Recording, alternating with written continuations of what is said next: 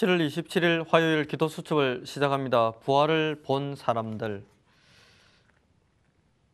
오늘 제목은 부활을 본 증인들에 대한 말씀입니다. 그래서 오늘 우리가 버려야 할 것을 버리고 응답의 근원을 확인하고 반드시 주시는 응답을 나의 것으로 만드는 축복의 증인으로 서야겠습니다. 하나님의 말씀을 함께 보겠습니다. 사도행전 1장 말씀입니다. 올라가실 때 제자들이 자세히 하늘을 쳐다보고 있는데 흰옷 입은 두 사람이 그들 곁에 서서 이르되 갈릴리 사람들아 어찌하여 서서 하늘을 쳐다보느냐 너희 가운데서 하늘로 올리신 이 예수는 하늘로 가심을 본 그대로 오시리라 하였느니라 아멘. 예수님께서는 부활의 첫 열매가 되셨습니다. 그리고 성령으로 24시간 우리와 함께하고 있습니다. 누구든지 예수 그리스도 이름을 부르기만 하면 되고 그 이름으로 영접하면 되고 그 이름으로 기도하면 응답을 받게 되어 있습니다. 부활의 비밀 대신 그리스도 예수를 붙들고 있으면 새로운 역사가 시작됩니다. 또한 이러한 비밀을 나의 것으로 누린 수많은 증인들이 성경에는 나와 있습니다.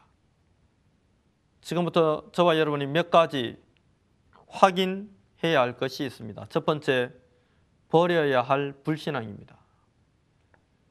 아무리 하나님의 역사가 기다리고 있다 할지라도 불신앙을 그대로 가지고는 응답을 나의 것으로 찾아 누릴 수가 없습니다. 불신앙의 상태에서는 그리스도의 부활도 그리스도의 능력도 십자가도 아무 의미가 없습니다. 이 말은 개인화 되어질 수 없다는 것입니다. 부활하신 그리스도 예수께 기름이 더 이상 필요 없음에도 불구하고 제자들은 기름을 들고 예수님을 사랑했던 사람들은 기름을 들고 그의 무덤을 찾았지만 그들은 빈 무덤을 확인했습니다. 부활하신 그리스도 예수께서는 낚시 많은 베드로와 의심 많은 도마와 엠마오 마을로 내려가고 있는 낙심자 제자들에게 직접 나타나셔서 부활하신 몸을 보이시고 부활의 비밀을 다시 가르치시고 그들을 회복시켜 주셨습니다. 디베라 바닷가에서 의심하던 제자들에게도 나타나셨습니다. 그리고 500여 제자들에게 부활하신 몸을 직접 보이셨습니다. 부활하신 주님은 이들에게 나타나셔서 언약을 주시고 하나님의 나라의 일에 대해서 설명하셨습니다. 부활하신 예수 그리스도를 붙잡고 우리가 가장 먼저 버려야 할 것은 불신앙입니다. 주님은 부활하셨습니다. 지금 성령으로 역사하고 계십니다. 저와 여러분이 가지고 있는 불신앙은 많이 버리고 빨리 버릴수록 좋습니다. 나의 능력이 제한되어 있다고 하나님의 능력이 제한될 것이라고 생각하지 마십시오.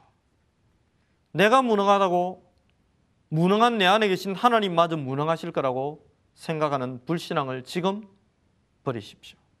하나님은 우리 안에서 창조의 능력으로 재창조의 역사를 얼마든지 시작할 수 있습니다. 두 번째입니다. 응답의 근원입니다. 부활하신 주님께서 응답의 세 가지 근원을 주셨습니다. 첫 번째는 하나님의 나라가 임하게 되는 언약과 그 언약을 붙잡은 자의 기도입니다. 언약을 붙잡은 자가 기도할 때 현장에는 하나님의 나라가 임하게 되어 있습니다. 두 번째 근원은 성령의 충만입니다. 성령의 충만함을 받으면 아무리 무능한 자, 아무리 연약한 자, 아무리 모자라는 자라 할지라도 권능 있는 자가 될 것이고 그 권능 있는 자는 자기의 정인, 개인의 정인, 배경의 정인이 아닌 그리스도의 정인으로 서게 될 것이라고 성경은 약속하고 있습니다. 정인이 될 수밖에 없는 응답이 오늘 저와 여러분이 받고 또 받아야 될 성령의 충만함 속에 있습니다. 세 번째, 근원적인 부분의 마지막은 그 능력이 지금 이 시간 우리와 함께 하고 있다는 것입니다.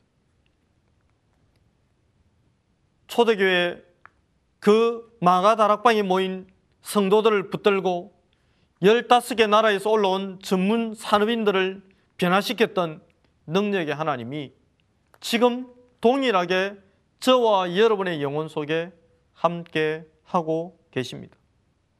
함께 하시는 이 그리스도의 언약을 붙들고 저와 여러분이 믿음으로 도전한다면 초대교회의 그 응답은 오늘 저와 여러분의 응답이 될 것이고 그 응답은 여, 저와 여러분의 스케줄 속에서 만남의 축복과 전도의 열매로 확인되게 될 것입니다. 세 번째입니다. 반드시 주시는 응답입니다. 하나님이 오직 하나님만 바라보는 기도의 사람에게 오직 그리스도를 붙들고 강단의 말씀을 붙들고 본부의 메시지를 붙들고 기도하고 있는 언약의 사람에게 하나님의 나라가 임하는 축복을 주실 것이며 그 하나님의 나라가 임하는 시간에 허감의 왕국이 무너지고 사단의 근세는 꺾이고 저와 여러분은 성령의 능력으로 충만해지는 그리스도의 정인이 되어지는 것입니다. 이러한 힘을 소유한 자는 여유가 있습니다. 이러한 힘을 가진 자는 사건과 일을 객관적이고 합리적이고 복음적으로 지극히 선한 것을 분별하며 숨겨진 하나님의 계획을 발견하는 능력을 소유하게 되고 이러한 사람에게는 하나님의 시간표가 오는 축복을 누리는 계속되는 정인의 삶을 살게 되는 것입니다. 이러한 축복이 저와 여러분의 전도 현장과 학업 현장과 직장과 사업 현장에 성취되기를 그리스도 예수 이름으로 축원합니다. 오늘의 포럼입니다. 예수님께서 주신 언약을 붙잡고 기도하면 비전이 보이고 힘을 얻게 됩니다. 이 힘으로 사업을 하고 학업을 하면 반드시 응답이 옵니다. 그래서 이 비밀을 알았던 초대교회는 오로지 기도에 힘 썼습니다. 오로지 기도에 힘쓰는 비밀을 붙들고 오늘도 승리케 되기를 그리스도 예수 이름으로 축복합니다. 기도하겠습니다.